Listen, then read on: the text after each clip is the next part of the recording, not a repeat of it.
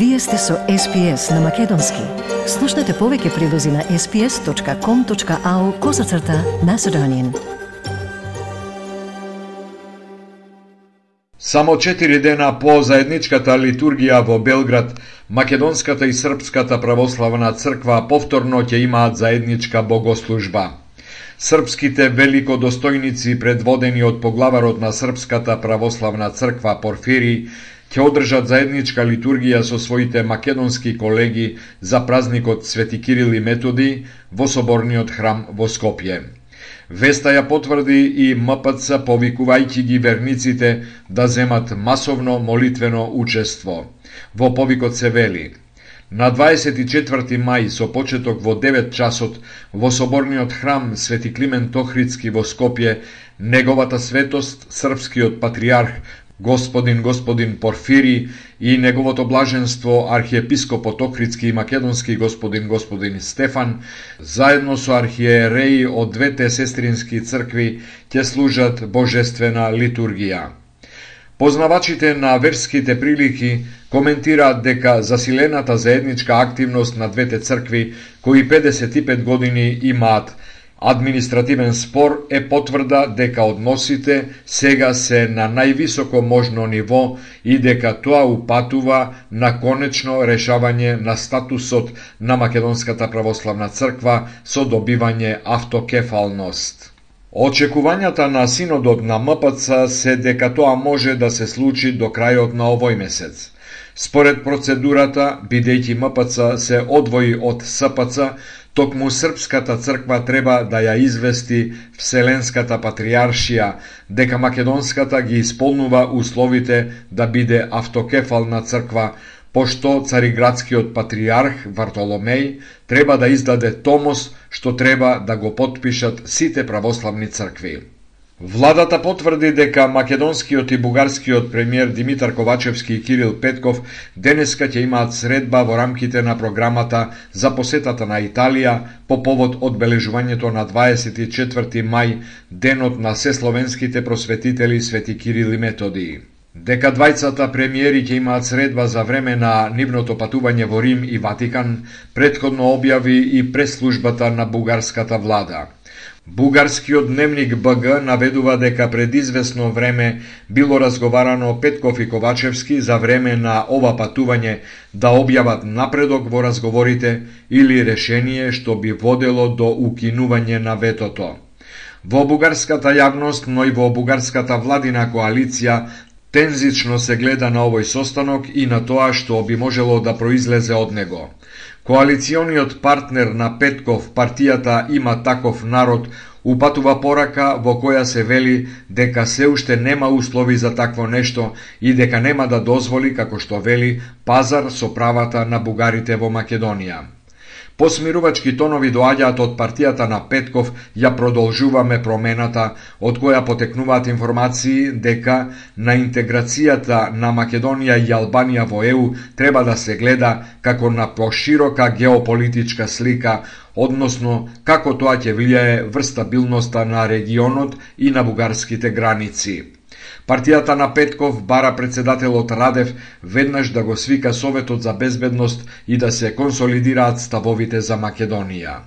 Откако Европската комисија во средата првпат даде рок за одржување на првата меѓувладина конференција со Македонија и Албанија и преговорите со двете држави да почнат пред крајот на француското председателство, кое трае до 30 јуни, Еврокомесарот за проширување Оливер Вархеи, пред да замине од Софија, изјави дека за три недели повторно ќе се врати таму за да се најде заеднички прифатливо решение за отворање на преговорите со Македонија.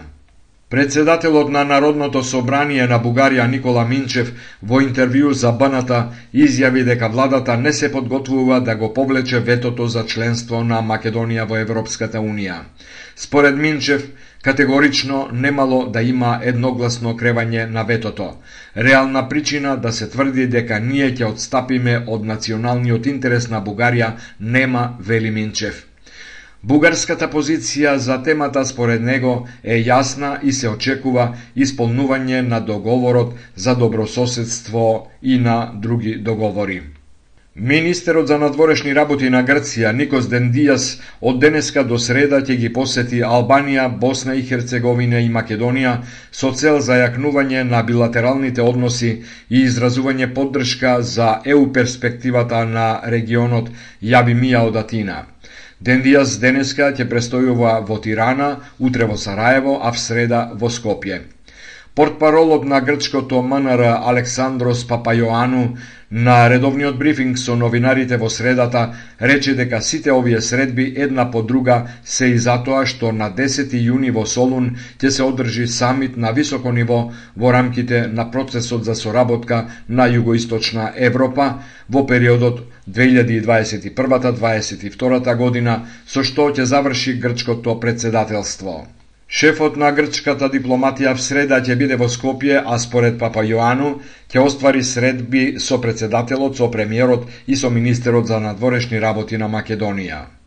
Со предупредување за штрајк и поставување шатори пред владата, независниот синдикат на професионалните војници вчера излезе пред владата со барање за прераспределба на војници по навршувањето на 45-та година од животот во други институции, особено во граничната полиција, така како што им било ветено пред три години.